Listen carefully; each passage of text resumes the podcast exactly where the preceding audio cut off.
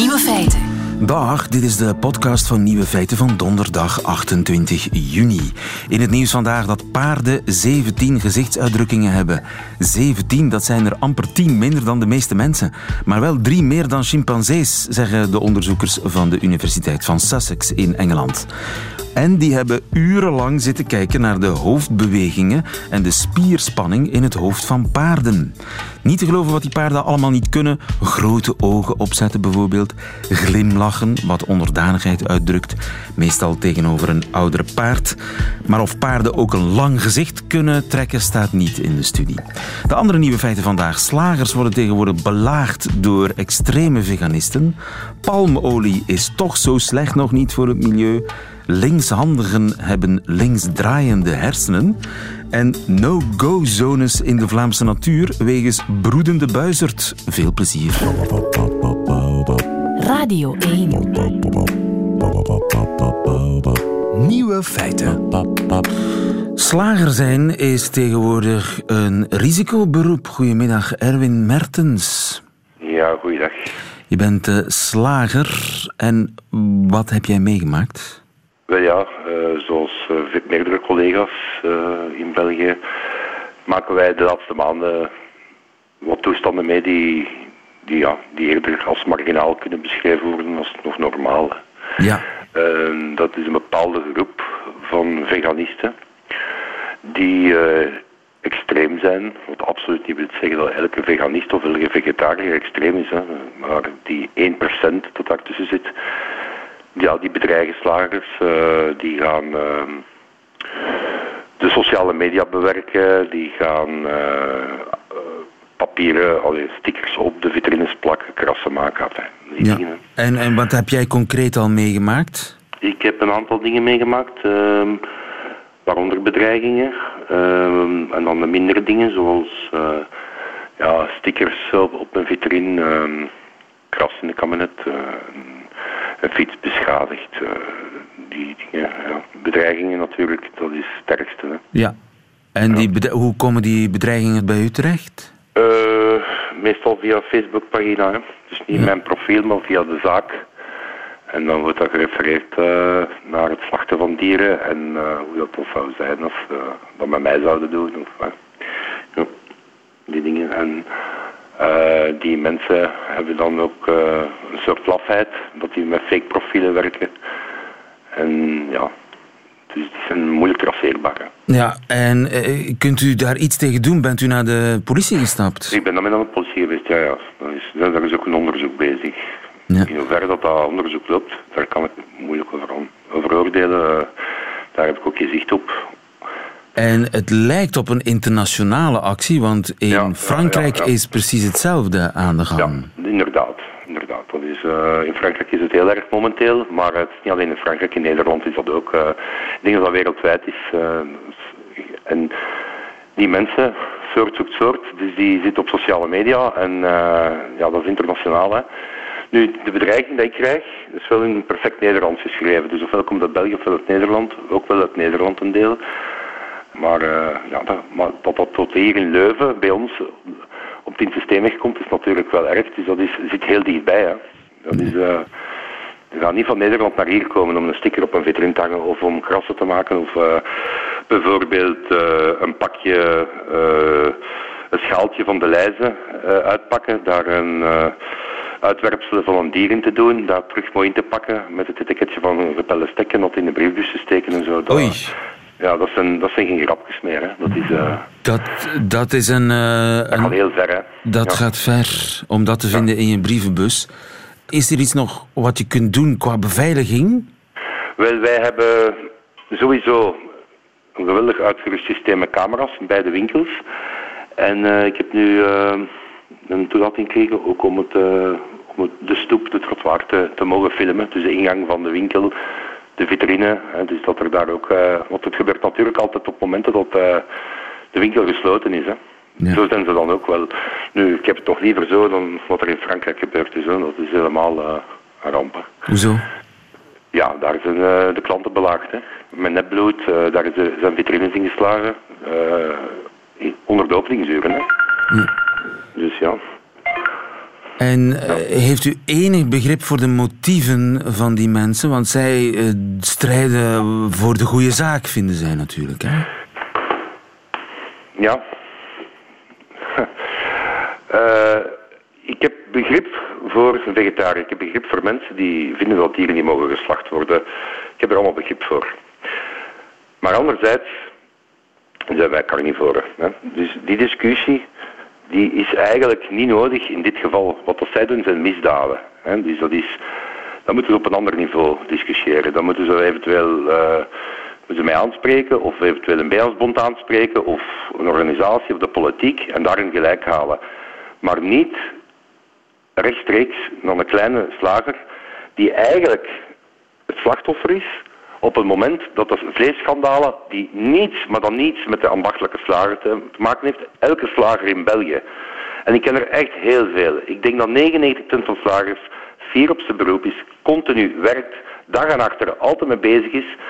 Die heeft niks te maken met die vleesschandalen, met die grote industrie van het goedkope vlees.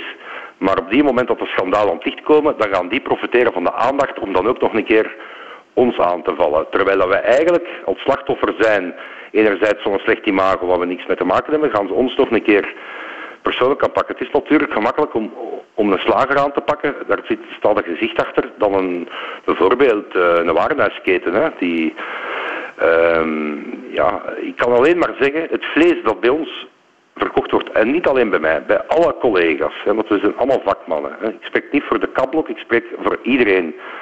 Wij hebben daar niets aan dat die dieren mishandeld worden. Een dier dat mishandeld is, dat heeft een hoge bloeddruk. Hoge bloeddruk heeft gespannen spieren. Gespannen spieren, wat zijn de spieren? Dat is het vlees. Een gespannen spier is hartvlees. Laat staan beschadiging, het pijn doen van een dier met bijvoorbeeld een stok, een blauwe plek op een bil, dan vlees kunnen wij niet verkopen. Dus dat is eigenlijk totaal ten boze in onze sector dat dat kan. Die dieren worden echt wel ja. met liefde behandeld. En toch wordt u daarop aangesproken, dat gevoel heeft u. Gaat u... Gaat u... Ja, dat gevoel, dat is, ja, dat is er gewoon. Dat is geen gevoel meer. Hè. Die, die dingen zijn er. Hè. Allee, maar u overweegt, niet, u overweegt niet om een ander beroep te kiezen voorlopig? Uh, nee, ik ben bijna 50 jaar. Wat ga ik doen? Ja. Uh, sla slaverkoper. Heb je al een keer in een tuin geweest als je een sla, een wortel afsnijdt? Hoe dat je kijkt, dat is ook niet, hè. dat is het niet, man. Ja. nee, ik doe geen dieren dood, ik wil ook geen sla dood doen, voilà. Ik verkoop vlees van dieren, maar ik doe geen dieren dood. Ik heb dat nooit dood, gedaan. En de mensen die in het slachthuis werken, zijn daarom niet minder als wij. En dat zijn ook geen moordenaars, die doen ook een job. Ja. een vlees komt van een dier en spijtig genoeg moet dat dier daarvoor geslacht worden. Dat Erwin Mertens, mag je hartelijk danken voor je getuigenis. Geen probleem. Nieuwe feiten.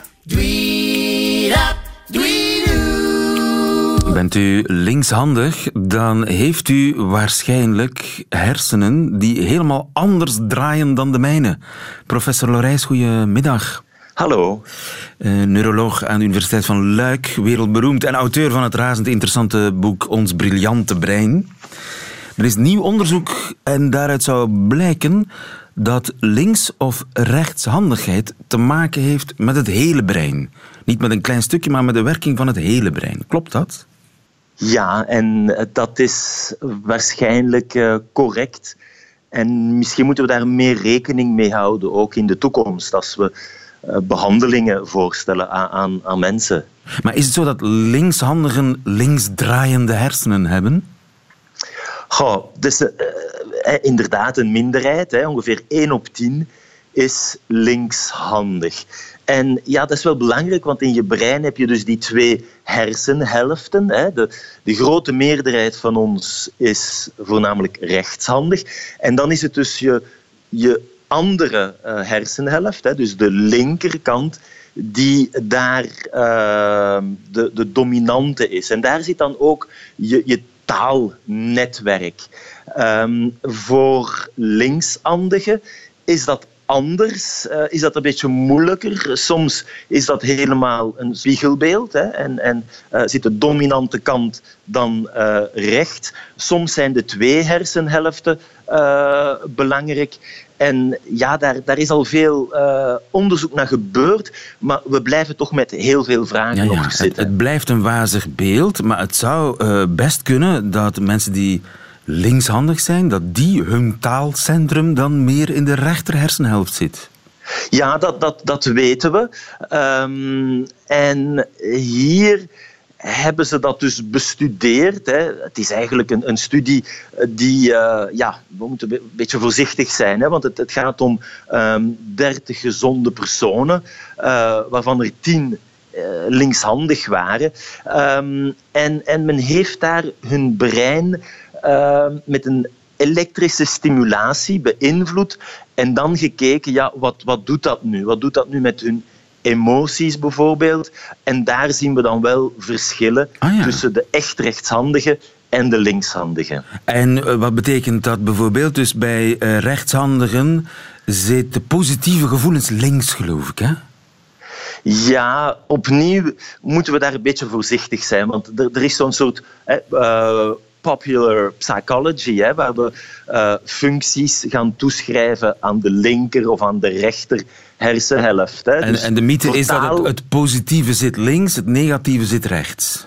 Ja, maar dat is een beetje overgesimplifieerd. Hè.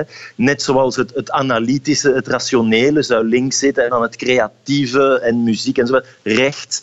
Um, voor een deel is dat waar, maar je brein is natuurlijk uh, ja, verschrikkelijk dynamisch. En ja, je hebt twee hersenhelften en dat is niet voor niks. Dus, uh, Die communiceren voortdurend met elkaar natuurlijk. Hè? Dus dat is eigenlijk een, een, fictie, omdat je kunt dat niet echt opdelen in links en rechts, maar er zijn nuanceverschillen.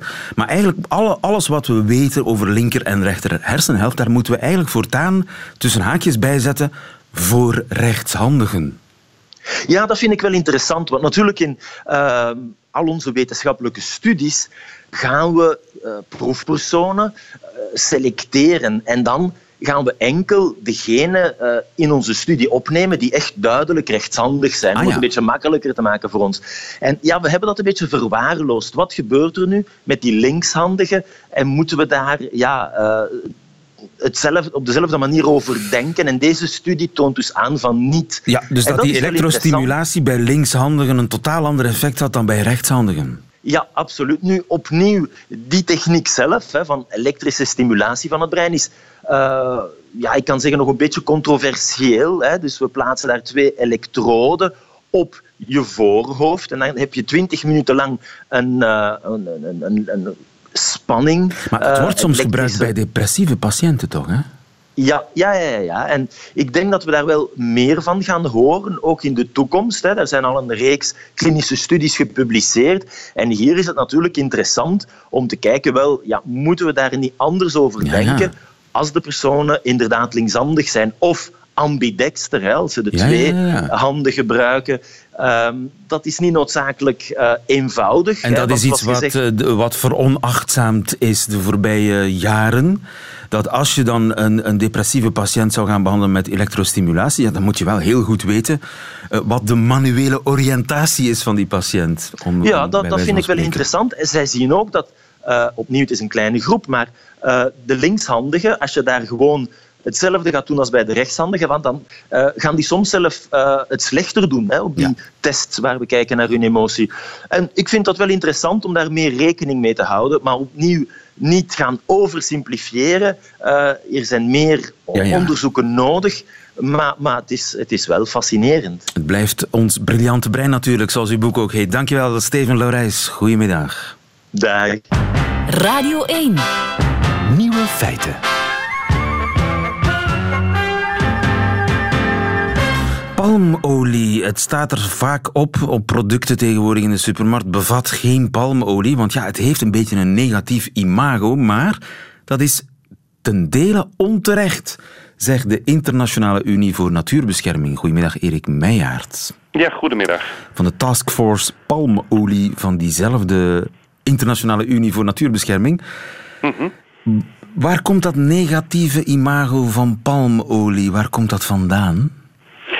Nou, ik denk allereerst dat dat negatieve imago wel terecht is. Um, er is natuurlijk, zijn enorme problemen geweest, zeker in landen als uh, Indonesië, Maleisië, met uh, ontbossing die door ehm, het uitbreiden van, van de, de oliepalmaanbouw ehm, wordt veroorzaakt. Dus, en dat zeker met soorten als orang-oetang is dat, is dat wel bekend. Ehm, dus de orang-oetan, zijn biotoop, wordt bedreigd door de palmolieproductie? Ja, dat is daar zeker een onderdeel van. Ik, ik denk zelf dat het niet de allergrootste bedreiging is voor orang-oetangs. Uh, ik denk dat dat uiteindelijk de jacht is. Maar het, is zeker een, uh, het, het, levert zeker een, een, behoorlijke bijdrage aan het achteruitgaan van, uh, van orang-oetangs. En die, daarvan weten we dat die, dat die enorm is. Dat we, ja, dat we de soort toch, toch wel heel, heel gauw kwijtraken. En is dat het enige probleem met palmolie? Nee, er zijn, uh, er zijn meerdere problemen. Er zit, uh, ja, als je, het is vrij simpel als je een, eh, een tropisch regenwoud hebt en dat, uh, dat hak je om en daar zet je een, een monocultuur voor in, in plaats. Dan gaat niet alleen de biodiversiteit achteruit, maar er verandert van alles in ehm, de waterhuishouding, de kwaliteit van en de, de Um, hoe zeg je dat in mooi Nederlands? De fertility, de, de vruchtbaarheid van, van, de, van de grond. Um, er zijn allerlei impacts. Maar wat we wel zeggen, en dat is een beetje de, de, de, belangrijke zaak hier. Men kijkt alleen naar palmolie. En uiteindelijk is er natuurlijk over de hele wereld een, eh, een enorme vraag naar plantaardige oliën. En die moet op een of andere manier geproduceerd worden. Dus mensen realiseren zich niet dat als ze nee zeggen tegen palmolie, dan zeggen ze ja tegen een andere olie. En dan is het eh, sojaolie of maisolie of zonnebloem of, uh, kokosolie. Of koolzaad. Ja, kokos, nou, kokosnoot is een goed, uh, goed voorbeeld. Iedereen vindt kokosnoten geweldig, hartstikke lekker. Uh, prachtige olie en zo. Ja, en ik zeg het, het is ook maar een palm.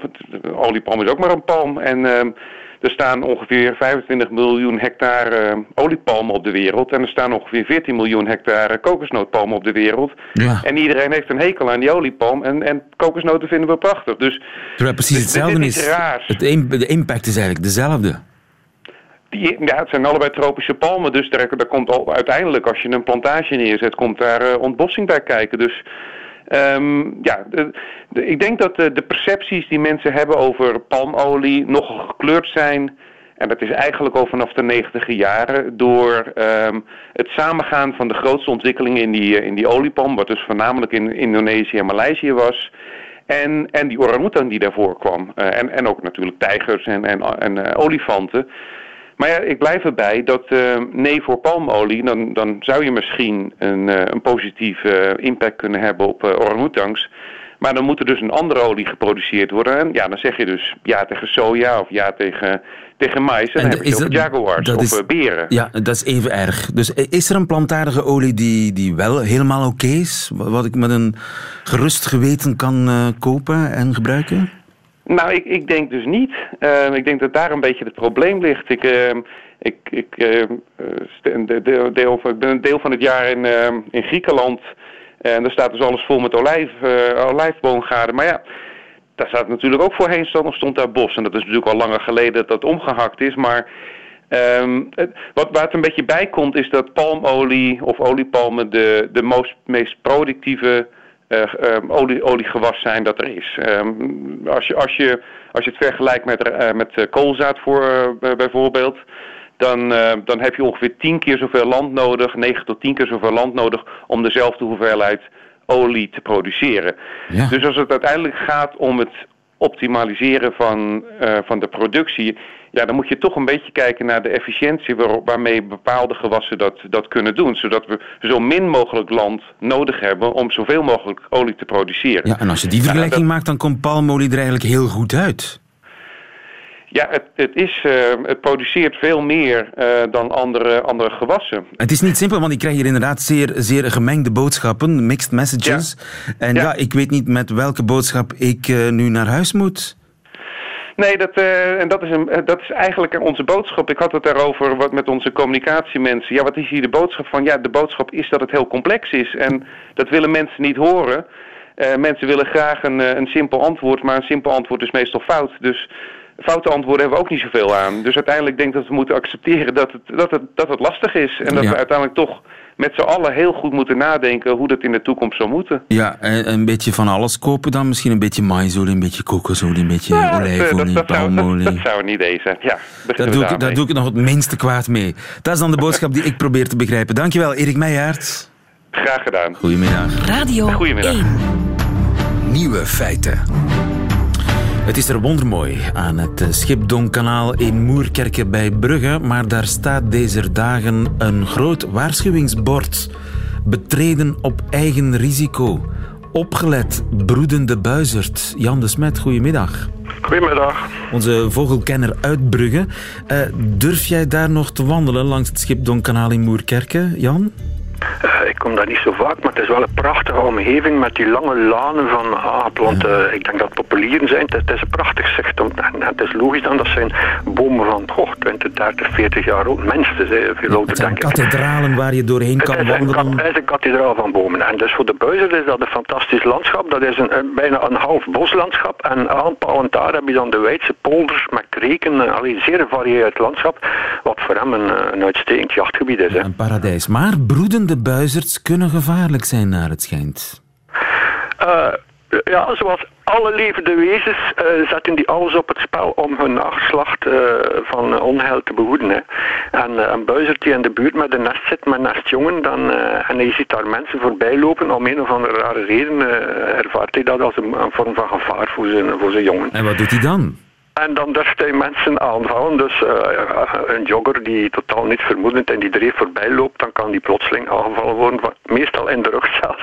In de Eh, rug. Door zo- Een door buizerd buizerd, valt in ja. de rug aan. Ah, wel, ja, hij, hij ziet ook wel dat, dat wij mensen zijn natuurlijk veel, veel groter dan een buizerd. Dus hij gaat natuurlijk zijn kans om ons te doen schrikken dan eh, het hoogste inschatten. En dat is door in de rug aan te vallen en dan zo met zijn klauw te slaan. Al of niet in je schouder of je hoofd. En zeker mensen, mannen of vrouwen, eh, maar zeker mannen met een kaal hoofd. Ja, er is al vaak in het nieuws geweest hè, die dan een, een serieuze wonde hebben van 5 of 10 centimeter. Die klauwen mag je niet onderschatten. Dat zijn echte stiletto's. Hè. Ja. Aan iedere poot vier van die messcherpe nagels. En als die dan een uithaal doen zo in je achterhoofd, zonder dat je, je weet dat dat gaat gebeuren, dat je hoofd kunt we- wegtrekken of ineenduiken, ja, dan heb je prijs. Hè. En je hebt inderdaad mensen die daar redelijk zwaar kwetsuren aan overhouden. En dat is ook zeer schrikachtig. Hè. Wij zijn dan niet gewoon om in een landschap te komen waar er roofdieren zijn of rovers die ons durven aanvallen. hè. In Afrika is dat natuurlijk heel anders. Daar heb je nog leeuwen en luipaarden in de savanne, uh, neuzones waar je moet vooruitkijken. Hier is dat op kleinere schaal natuurlijk met de buizerd, maar het is hetzelfde. Wij mensen voelen ons dan bedreigd en belaagd natuurlijk. Heb jij het ooit meegemaakt, Jan? Ik heb het echt nooit mee. Eh, eh, het gekke is, ik heb het nooit meegemaakt. eh, Het is te zeggen, ervaren hoe het is, zo'n scherpe nagel. Mijn grootvader heeft ooit was een jager. En op een dag kwam hij thuis met een, een geschoten buizerd. En eh, die is dan later, eh, we reden daarmee naar de taxidermist om hem te laten opzetten. Dat was in die tijd mode. Ik spreek van 20, 30 jaar geleden. Hè. En eh, ik zie dat beest nog naast me liggen in, in, in die Citroën. Hij was in krantenpapier gewikkeld. Maar die hapte nog naar adem. Die was getroffen in de borst. Maar dat beest lag dus nog ja, dood te gaan eigenlijk. Maar die, die nagels, ja, dat is ongelooflijk scherp. hè. En ik heb me later, toen hij opgezet was, er nog aan gekwetst. Toen ik hem even wilde verzetten. Want ik heb ja, uit nostalgie waarschijnlijk dat beest al later terug bij mij thuis hier genomen. En eh, ik heb mij daar inderdaad ooit nog aan gekwetst toen ik die buizerd die zo opgezet is op een, eh, een stronk, een tak. En, en ja, die, die naalden zijn zijn ongelooflijk. Dat, ja, je moet dat vergelijken met naalden bijna. Die, die in je hand of je vinger. Ja, ze zijn messcherp. Ze gaan gewoon, er zijn klauwen als ze willen, dan gaan ze gewoon dwars door je hand. Eh, maar is er iets wat ik kan doen? Stel, ik word door zo'n agressieve vogel aangevallen, niet in de rug bijvoorbeeld. Ik stel, ik zie hem aankomen. Hij, hij, en kan ik dan nog iets doen om hem af te schrikken?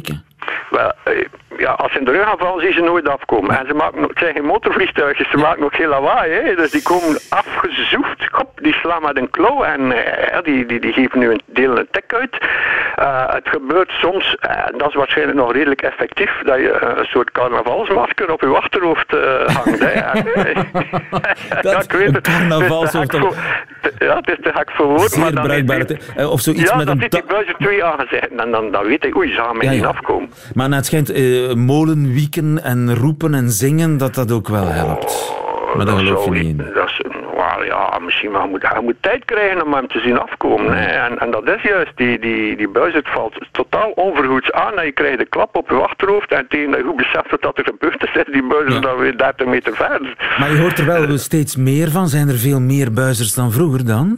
Uh, er zijn er in Vlaanderen en België inderdaad beduidend meer. Hè. Als de jaren 60 en 70 was de buizerd beperkt tot enkele tientallen paren in, in, in Vlaanderen. Nu zitten er enkele honderden. Hè. Ik weet niet, het is ook niet te tellen, maar in ieder, ieder fatsoenlijk bosje, zelfs in de polders en zo, een klein bosje, daar zit tegenwoordig een, een koppel, een paardje buizerds op, op ja. nest. Hè. En, maar jongen, en nu is dat de periode, hè. nu is dat de gevaarlijkste periode. Uh, ze staan uh, on alert, dus uh, ze moeten die jongen groot krijgen en alles wat naar gevaar nog maar ruikt of uitziet, dan, dan willen ze, ja, dan is een aanval. Hè. Ik hoor het al Jan, jij gaat daar niet wandelen of joggen. Nee, zeker niet. Ik ben geen superjogger. En, uh, maar ik zou de mensen aanraden. Tegenwoordig zet men op zo, aan zulke dreven of wegen waar zo'n uh, nest met buizen zit, zet men een waarschuwingsbord. En ik kan de mensen aanraden om dat inderdaad op te letten. Uh, daar niet zomaar om de haverklap te gaan joggen. En als je dat dan eventueel wel doet, zet dan een soort pet of, of een fietsgaan. Ik weet, het trekt waarschijnlijk op niks om dat te zien. Maar of zet een Donald Trump-achtig ja. masker dat je op je achterhoofd kunt plakken. Misschien wel, ja. Oké. Okay. Dankjewel, Jan de Smet. Goedemiddag. Ja, dag die vandaag. Ik ben benieuwd uh, wat Johan Terrein van dit alles vindt. Dit is een middagjournaal. Nieuwe feiten. Middagjournaal. Beste luisteraar. Ik wou u vandaag spreken over belangrijke dingen, maar daar is iets tussen gekomen. Vaderlands voetbal. Ik zag afgelopen zaterdag die Tunesische bondscoach zijn tranen verbijten nog voor de match begon bij het zingen van het Tunesische volkslied. Hij moest er even bij gaan zitten in de dugout om de tranen uit zijn ogen te wrijven. Ik vond dat heel aandoenlijk. Toegegeven, iets minder aandoenlijk vond ik de vaderlandsliefde van Donald Trump, die ik laatst de Stars and Stripes zag knuffelen. Wat zeg ik, die vlag werd bijna doodgeknepen. De mogelijkheid tot wederzijdse liefde leek daardoor in de kiem gesmoord. Maakt ook niet zoveel uit voor iemand als Trump. Die heeft een vlag en een vrouw die hem status moeten geven. De liefde hoeft niet per se wederzijds. Maar ik had het over de liefde voor het vaderland, niet over die gek. De Fransen die zo'n Marseillaise uit volle borst meezingen, zonder aarzeling, zonder schroom, daar kan ik pokken jaloers op zijn. Het is een gevoel waar we in dit land moeilijk toegang toe krijgen. Oké, als het allemaal carnaval mag blijven, met Fellaini-pruiken en strepen op onze wangen, dan is het nog gepermitteerd. Mocht er op de Tunesische vlag reclame staan, zou die bondscoach prompt een dolk door zijn hart rammen om de pijn te verzachten.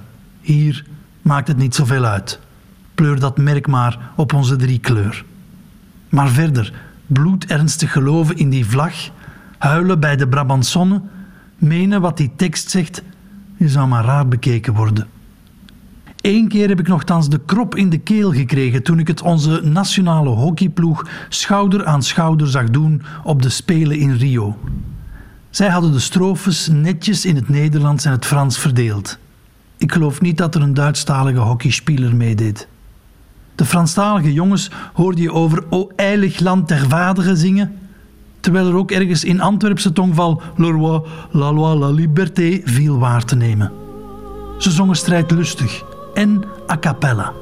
Geen muzikale franjes erbij waarop je nog pistolet of reddeketet kon zingen op het eind. Overgave, eenheid, moed, vertrouwen. Noem me een sentimentele jongen, maar dat moment gaf me kippenvel. Het samen sterk gevoel, ik kan dat schoon vinden. Ik hou ook niet zo van verdeeldheid in het bijzonder. Dus Hazard en De Bruyne, zing vanavond een keer mee. Dan zullen wij leren om die vlag correct aan onze gevels te hangen. Pas dan zijn we klaar om als land wereldkampioen te worden.